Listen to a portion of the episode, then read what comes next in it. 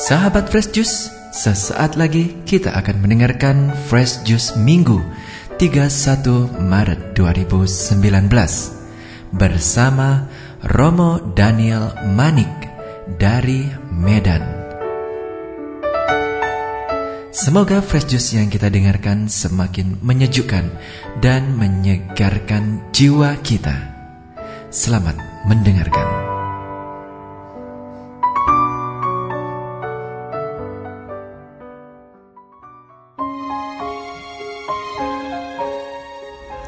Para sahabat Fresh Juice, selamat pagi dan selamat hari Minggu Prapaskah keempat bagi kita. Hari ini kita merenungkan sabda Tuhan dari Injil Lukas bab 15 ayat 1 sampai 3 dilanjutkan dengan ayat 11 sampai 32. Para pemungut cukai dan orang-orang berdosa biasanya datang kepada Yesus untuk mendengarkan Dia. Maka bersungut-sungutlah orang-orang Farisi dan ahli-ahli Taurat katanya. Ia menerima orang-orang berdosa dan makan bersama-sama dengan mereka. Lalu ia mengatakan perumpamaan ini kepada mereka. Ada seorang mempunyai dua anak laki-laki. Kata yang bungsu kepada ayahnya, Bapa, berikanlah kepadaku bagian harta milik kita yang menjadi hakku. Lalu ayahnya membagi-bagikan harta kekayaan itu di antara mereka. Beberapa hari kemudian anak bungsu itu menjual seluruh bagiannya itu, lalu pergi ke negeri yang jauh. Di sana ia memboroskan harta miliknya itu dengan hidup berfoya-foya. Setelah dihabiskannya semuanya, timbullah bencana kelaparan di dalam negeri itu, dan ia pun mulai melarat. Lalu ia pergi dan bekerja pada seorang majikan di negeri itu. Lalu ia ingin mengisi perutnya dengan ampas yang menjadi makanan babi itu, tetapi tidak seorang pun yang memberikannya kepadanya. Lalu ia menyadari keadaannya katanya, Betapa banyak orang upahan Bapakku yang berlimpah-limpah makanannya, tetapi aku di sini mati kelaparan. Aku akan bangkit dan pergi kepada Bapakku dan berkata kepadanya, Bapa, aku telah berdosa terhadap sorga dan terhadap Bapa. Aku tidak layak lagi disebut anak Bapa jadikanlah aku sebagai salah seorang upahan bapa. Maka bangkitlah ia dan pergi kepada bapaknya. Ketika masih jauh, ayahnya telah melihatnya. Lalu tergeraklah hatinya oleh belas kasihan. Ayahnya itu berlari mendapatkan dia, lalu merangkul dan mencium dia. Kata anak itu kepadanya, Bapak, Aku telah berdosa terhadap surga dan terhadap Bapa. Aku tidak layak lagi disebut anak Bapa. Tetapi ayah itu berkata kepada hamba-hambanya, Lekaslah bawa kemari jubah yang terbaik, pakaikanlah itu kepadanya, dan kenakanlah cincin pada jarinya, dan sepatu pada kakinya. Dan ambillah anak lembu tambun itu, sembelihlah dia, dan marilah kita makan dan bersuka cita, sebab anakku ini telah mati dan menjadi hidup kembali. Ia telah hilang dan didapat kembali. Maka mulailah mereka bersukaria. Tetapi anaknya yang sulung berada di ladang, dan ketika ia pulang dan dekat ke rumah, ia mendengar bunyi seruling dan nyanyian tari-tarian. Lalu ia memanggil salah seorang hamba dan bertanya kepadanya, apa arti semuanya itu? Jawab hamba itu, adikmu telah kembali dan ayahmu telah menyembelih anak lembu tambun, karena ia mendapatnya kembali dengan sehat. Maka marahlah anak sulung itu, dan ia tidak mau masuk. Lalu ayahnya keluar dan berbicara dengan dia. Tetapi ia menjawab ayahnya katanya, Telah bertahun-tahun aku melayani Bapa dan belum pernah aku melanggar perintah Bapa. Tetapi kepadaku belum pernah Bapa memberikan seekor anak kambing untuk bersuka cita dengan sahabat-sahabatku. Tetapi baru saja datang anak Bapa yang telah memboroskan harta kekayaan Bapa bersama-sama dengan pelacur-pelacur. Maka Bapa menyembelih anak lembu tambun itu untuk dia.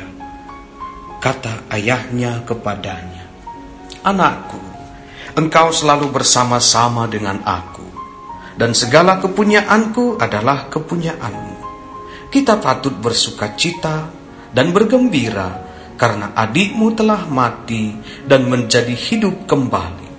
Ia telah hilang dan didapat kembali. Demikianlah Injil Tuhan. Terpujilah Kristus.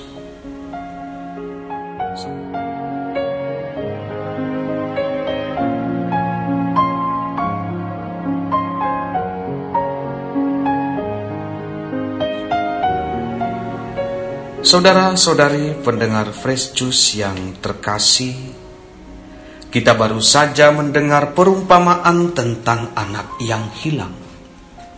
Melalui perumpamaan ini, Yesus hendak menggambarkan tentang belas kasih Allah yang tak terhingga dan sikap penuh pengertian Allah terhadap kita anak-anaknya. Bayangkanlah betapa besar kasih Bapa surgawi terhadap kita. Begitu besar kasihnya, sehingga dia memberikan kehendak bebas kepada kita masing-masing untuk mengasihi dia atau menolak dia. Bahkan jika kita memilih untuk menolak dia dan jalan-jalannya, Allah tetap mengasihi kita dan dengan penuh kerinduan menantikan kita kembali kepadanya sama seperti anak yang hilang yang memilih untuk mengambil harta warisan bagiannya dan pergi meninggalkan rumah bapaknya ke negeri yang jauh untuk berpesta pora dan berfoya-foya. Pada saat kita sadar akan kedosaan kita, lalu bertobat dan kembali kepadanya, Dia ada di sana menunggu kita. Allah tidak menunggu sampai kita berubah secara lengkap karena Dia tidak mencari kesempurnaan dari diri kita. Allah hanya ingin agar kita datang menghadapnya dengan hati yang bertobat. Saudara-saudari, orang yang bertobat adalah orang yang menyadari keadaannya sama seperti anak yang hilang yang menyadari keadaannya. Ia sadar keadaannya dan ia berpikir, betapa banyak orang upahan bapakku yang berlimpah-limpah makanannya, tetapi aku di sini mati kelaparan. Aku akan bangkit dan pergi kepada bapakku dan berkata kepadanya, Bapa, aku telah berdosa terhadap surga dan terhadap Bapa Aku tidak layak lagi disebutkan anak Bapa. Jadikanlah aku sebagai salah seorang upahan Bapa. Para sahabat Juice, si anak hilang ini menyadari keadaannya. Saat seseorang menyadari keadaannya, biasanya bukan terjadi ketika segala sesuatu berjalan dengan baik, tetapi seperti yang dialami si anak yang hilang ini saat itu terjadi ketika ampas makanan untuk memuaskan kelaparannya pun ia tidak punya. Anak ini menyadari keadaannya dan memutuskan untuk pulang ke rumah bapaknya. Anak tersebut sadar dan tahu, bahkan ia sudah pernah mengalaminya, bahwa di rumah bapaknya dia begitu mendapat kasih sayang dan tidak pernah kekurangan. Para sahabat Fresh Juice yang terkasih, Allah telah menyediakan berkat yang berlimpah. Dia sungguh maha rahim. Dalam penampakan-penampakannya kepada Santa Faustina, Tuhan menunjukkan dengan jelas kerahiman yang ditawarkan kepada jiwa-jiwa pendosa. Yesus Sang Raja Kerahiman pernah mengatakan kepada Suster Faustina dalam penglihatannya, "Sukacitaku yang besar adalah mempersatukan diriku dengan jiwa-jiwa. Apabila aku datang ke dalam hati manusia dalam komuni kudus, tangan-tanganku penuh dengan segala macam rahmat yang ingin aku limpahkan atas jiwa. Namun jiwa-jiwa bahkan tidak mengindahkan aku. Mereka mengacuhkan diriku dan menyibukkan diri dengan hal-hal lain. Betapa menyakitkan aku bahwa jiwa-jiwa begitu jarang mempersatukan dirinya denganku. Aku menantikan jiwa-jiwa dan mereka acuh tak acuh terhadapku. Aku ingin mencurahkan rahmat-rahmatku atas mereka tetapi mereka tak hendak menerimanya. Mereka memperlakukanku bagaikan suatu benda mati, padahal hatiku penuh cinta dan belas kasih. Agar engkau dapat memahami setidak-tidaknya sedikit rasa sakitku, bayangkanlah seorang ibu yang paling lemah lembut hati, yang amat mengasihi anak-anaknya, namun anak-anaknya itu menolak kasihnya. Bayangkan betapa pilu hatinya, tak seorang pun akan mampu menghibur hatinya. Begitulah gambaran akan kasihku. Para sahabat Fresh dalam masa prapaskah ini adalah waktu bagi kita untuk menyadari keadaan kita. Suatu panggilan bagi kita agar kita hidup dalam kasihnya melalui sakramen tobat dan sakramen ekaristi. Tak peduli betapa berat dosa-dosa kita, dan kita memulai hidup baru kembali. Yesus menawarkan kepada kita suatu permulaan yang baru. Allah sedang menantikan kita seperti Bapa menantikan anaknya yang hilang. Amin. Sahabat Fresh Juice, kita baru saja mendengarkan Fresh Juice Minggu 31 Maret 2019.